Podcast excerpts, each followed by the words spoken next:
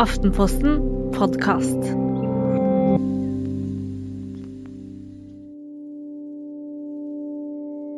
I fjor sommer så var jeg på hyttetur sammen med forloveden min og hans familie. Telefonen hadde ringt hele dagen, og jeg ønsket ikke å ta telefonen for jeg var på ferie, og det ble mye mas. Så har jeg tatt meg et glass vin, og så ringer tanten min meg. Og så setter jeg henne bare på en måte på eh, opptatt, eh, og så sender jeg en melding og sier at eh, jeg kan ikke snakke, jeg er midt i et brettspill. Og så sender hun melding om at mammaen din er på sykehuset, du må ringe meg. Og da skjønner jeg på en måte at nå, nå kommer liksom den dagen jeg har ventet på i veldig, veldig mange år, da.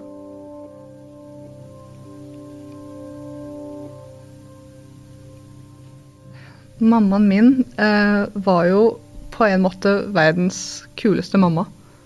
Hun var liksom så frisluppen og veldig sånn morsom, tulla, tøysa og veldig opptatt av å stå opp for de som på en måte hadde det verre enn henne. Og var vel, alltid veldig engasjert i politiske saker, egentlig eh, hele livet. Vi bodde i et lite rekkehus i Odense eh, og hadde en kolonihage. Vi syklet overalt, for vi hadde ikke bil. Det var veldig idyllisk, liksom, i det lille rekkehuset. Eh, brukte mye tid i hagen, ikke minst. Det var hun veldig glad i. Eh, og var veldig glad i å lage mat eh, og bake. Og pleide som ofte å starte dagen med å liksom bake brød, fordi at det skulle vi ha til frokost. For hun sto opp veldig tidlig og syntes det var en veldig god måte å starte dagen på. Og som våkne opp til ny, nybakt brød i huset. I hverdagen så dro vi på turer og matet ender i parken. Og bare var sammen som familie, som var kjempefint. Eh, mamma var jo alltid veldig eh, gjestfri og en veldig god vert. Hun, eh, alltid, hun, inviterte alltid venner over, og det var alltid masse folk i huset vårt. Eh, som jeg syntes var veldig stas, for dette var jo venner i familien som var veldig glad i meg, og jeg var veldig glad i dem.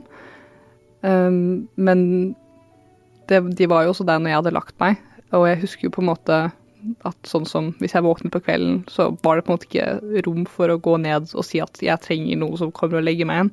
Eh, sånn som man gjerne gjør når man er fire, fem, seks år. Um, fordi at da var det på en måte full fest nede, og det var ikke tid og rom. Uh, samtidig så visste jeg jo ikke at det var unormalt, for det, det var på en måte det jeg kjente til. Når jeg var sju år, så klarte ikke mamma å ta vare på meg mer. Um, en kveld satte hun seg ned hos meg og fortalte meg før jeg skulle legge meg, at jeg skulle flytte til Norge, uh, til tanten min, mammas søster, en uke etterpå når jeg spurte hvorfor skal jeg flytte, så svarte mamma at ja, men du må lære deg norsk. Hvor jeg husker at jeg ble veldig lei meg, også fordi at jeg følte at det var min feil, for jeg burde ha lært meg mammas morsmål. Og så sa mamma også til meg at det er veldig viktig at ikke du sier det til noen, dette er hemmelig. Og dagen etter så hadde jeg fri fra skolen. Uh, for jeg sovna kjempesent og lå og gråt hele kvelden. Uh, fordi at jeg hadde jo ikke lyst til å flytte fra mammaen min og fra alt jeg kjente, og til et fremmed land med et fremmed språk. Noe av det første jeg merket når jeg flyttet fra Danmark til Norge, var at det var en annen stemning hjemme. Eh, I Norge spiste vi familiemiddag sammen. Vi var mye mer sammen som familie. Vi gjorde aktiviteter som var mer på barnas premisser. Eh, og vi var mye sammen i helgene og når de voksne ikke jobbet og jeg ikke var på skolen. Den første sommeren jeg var i Norge, så fant tanten min ut av at ikke jeg kunne lese og skrive. Og satte seg ned og brukte masse tid på meg. Og etter to uker så kunne jeg lese flytende og skrive. Ikke noe problem. En annen ting jeg merket når jeg flyttet til Norge, var også det at det var eh, mye mer rom for nærhet. Vi kunne sitte sammen og se på ting på TV, og jeg husker jeg satt helt oppi armkroken til tanten min og jeg syntes det var så hyggelig å sitte sånn helt tett inntil. Og det hadde jeg jo ikke fått så mye av tidligere eh, hos mamma. For selv om mamma ønsket veldig gjerne å være en god mamma, så fikk hun det ikke alltid til. For mamma hun drakk jo altfor mye og røyket i tillegg ganske mye hasj. Som var en blanding av at hun på en måte ble veldig full eh, og var absolutt ikke til stede.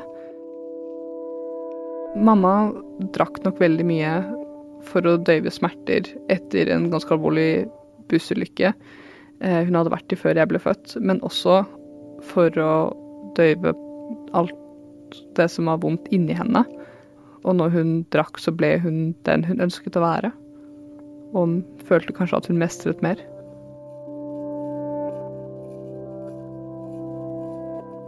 Mamma tok meg med steder hun ville dra, uavhengig om det passet seg å ha med barn eller ikke.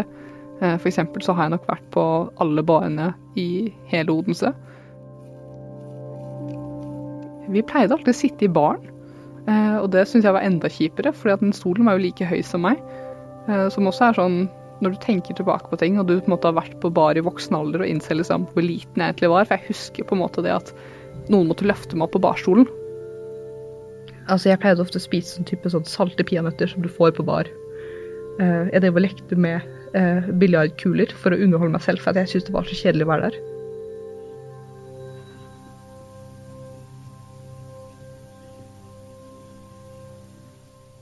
Når jeg var tenåring, så levde jeg veldig i en sånn verden hvor jeg måtte hjelpe mamma. Jeg måtte redde mamma hele tiden. Hun sa ofte ting som at 'Å, jeg gleder meg sånn til du kommer hit i påskeferien'. Det blir så fint å se deg igjen. Og da kan ikke jeg si at jeg har ikke lyst til å komme. Jeg har ikke lyst, jeg har lyst til å gjøre noe annet, eller Altså, det, det var på en måte ikke rom for det. Mamma kunne f.eks. si til meg når jeg var hos henne Men Liv, kan ikke du ta med hunden, og så kan dere gå på butikken? Så kan du kjøpe en is til deg selv, og så kan uh, du kjøpe en kartong med vin til meg òg. Kanskje to hvis du klarer å bære. Selv om ingen hadde sagt det til meg, så var det på en måte en del av meg som visste at dette her er hemmelig. Jeg må ikke si hvordan det er. Jeg må ikke si hvordan, hvordan mamma er, hvordan, hvor mye hun drikker. Jeg må på en måte holde det skjult. Og jeg skammet meg masse over at mamma ikke klarte å være den mammaen jeg ønsket. Og som tenåring så ble jeg veldig sint og frustrert. Jeg begynte liksom virkelig å ta inn over meg alt som hadde skjedd i barndommen. Og jeg husker veldig godt liksom den følelsen av å Når jeg gråt, f.eks., så følte jeg meg så Jeg hadde så vondt i kroppen. Jeg hadde så vondt i brystet for at det sluttet liksom ikke å gråte. Jeg kunne gråte i flere timer i strekk, for det ga seg aldri.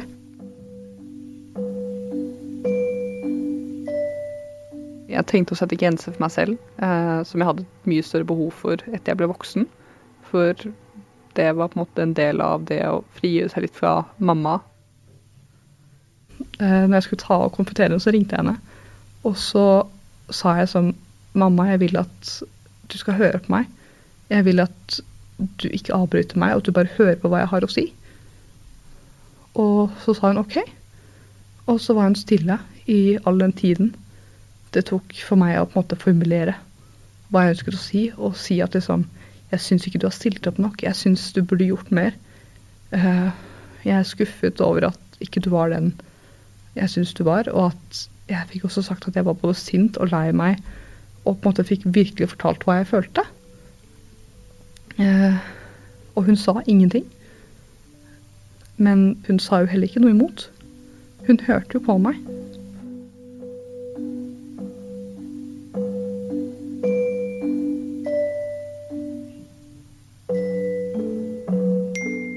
Jeg fikk melding fra tanten min og skjønner at nå dør mamma snart. Da var det jo over et år siden jeg hadde snakket med mamma sist.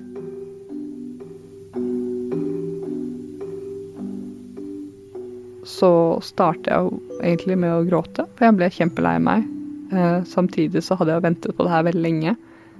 Eh, og begynte da å tenke veldig rasjonelt. Hvordan kommer man seg til et annet land under pandemien? Heldigvis så sa tanten min at vi drar sammen. For det var jo hennes storesøster og min mamma. Og det føltes veldig riktig for oss begge at vi begge skulle være der når hun nærmet seg livets slutt. Det er jeg også veldig glad for, fordi at hun kjørte nesten hele veien. Og jeg var jo på en måte ikke i tilstand til å kjøre. Jeg var så sliten og lei meg og stresset og overveldet at uh, jeg hadde på en måte ikke krefter og energi til å kjøre. Det var veldig mye følelser. Jeg husker liksom at jeg gikk liksom, altså jeg gråt og jeg var sint. og jeg var liksom oppgitt og bare tenkte ok, hvis hun bare holder ut i en to timer til, så er jeg fornøyd, for da får jeg sett henne. Så kan hun godt liksom si takk for seg etter det.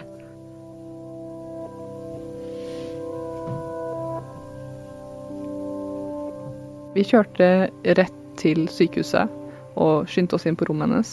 Og det første som slo meg, var at hun lignet så utrolig mye på mormor. Eneste forskjellen var jo at mamma var 60, og mormor var 85 når mormor døde. Hun var jo kjempeunderernært. Um, og uh, hun var kjempetynn. Uh, og det, på en måte hun så altså det, det, var på en måte helt tydelig at det her var livets slutt, da, rett og slett.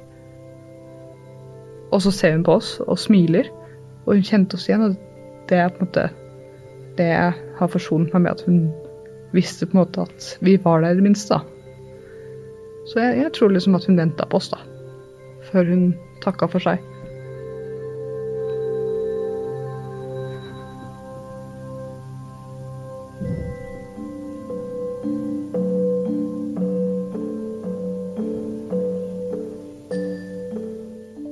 Måtte da rydde ut av leiligheten til mamma. Det var jo 70 kvadratmeter med ting. Og så var det på en måte bare å begynne å fylle opp bilen og kaste, rett og slett. Og så ta med seg det som betydde noe. Vi bestemte oss for å ta med oss et hjørneskap som mamma hadde for jeg var liten. Og noen bilder og et maleri og litt sånne ting. Så fant vi tre kartonger med vin, hvor den ene var åpnet. Så vi fant vel ut at det blir vel arven min. Åtte liter vin. På et punkt så sender onkelen min melding til tanten min og spør hvordan går det med dere. Og tanten min sier det går fint, nå har vi gått løs på arven til Liv. Så satt vi og drakk litt hvitvin og på en måte prøvde å mimre litt på kvelden. Da begynte vi å mimre om hvordan hun var. Og både jeg og tanten min gikk veldig tilbake til hvordan hun var før hun ble syk, og alt det fine ved henne humoren hennes og eh, hvordan hun måtte kunne engasjere seg politisk, hvordan hun måtte kjempet for de svakeste rettigheter, alltid, hvordan hun eh, var opptatt av dyrevelferd og eh, miljø, og hvordan hun var opptatt av å ta vare på naturen. Og på en måte også hvor gavmild hun alltid var. Hvordan hun på en måte alltid skulle hjelpe de som hadde mindre enn henne selv, selv om hun alltid hadde veldig lite. Og det er på en måte også de tingene jeg tenker på når jeg tenker på en dame som på en måte hadde mye fint for seg, og som kanskje gjorde det fineste for meg ved å sende meg til Norge. Det må jo ha vært utrolig vondt.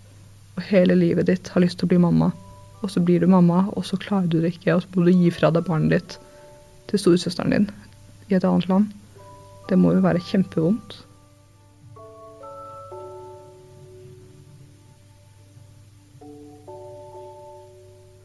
Vi valgte å gravlegge mammaen min sammen med mormor og morfar.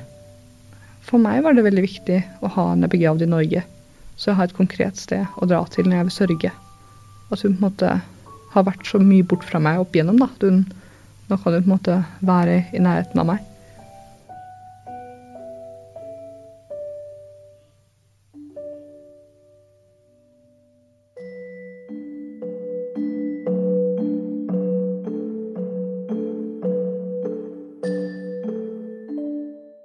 Du har hørt Liv Rolig Andersens historie.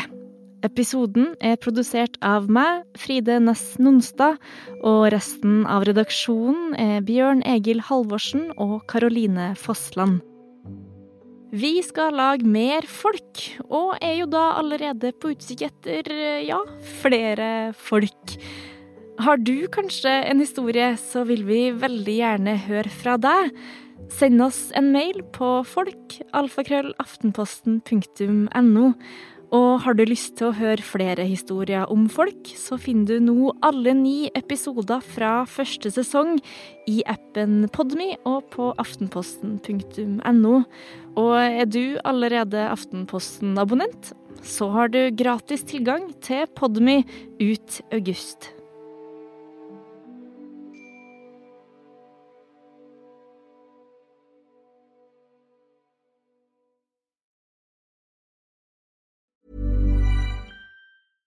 Selling a little or a lot? Shopify helps you do your thing however you cha-ching. Shopify is the global commerce platform that helps you sell at every stage of your business. From the launch your online shop stage to the first real life store stage, all the way to the did we just hit a million orders stage. Shopify is there to help you grow. Shopify helps you turn browsers into buyers with the internet's best converting checkout. 36% better on average compared to other leading commerce platforms because businesses that grow grow with Shopify. Get a $1 per month trial period at shopify.com/work. shopify.com/work.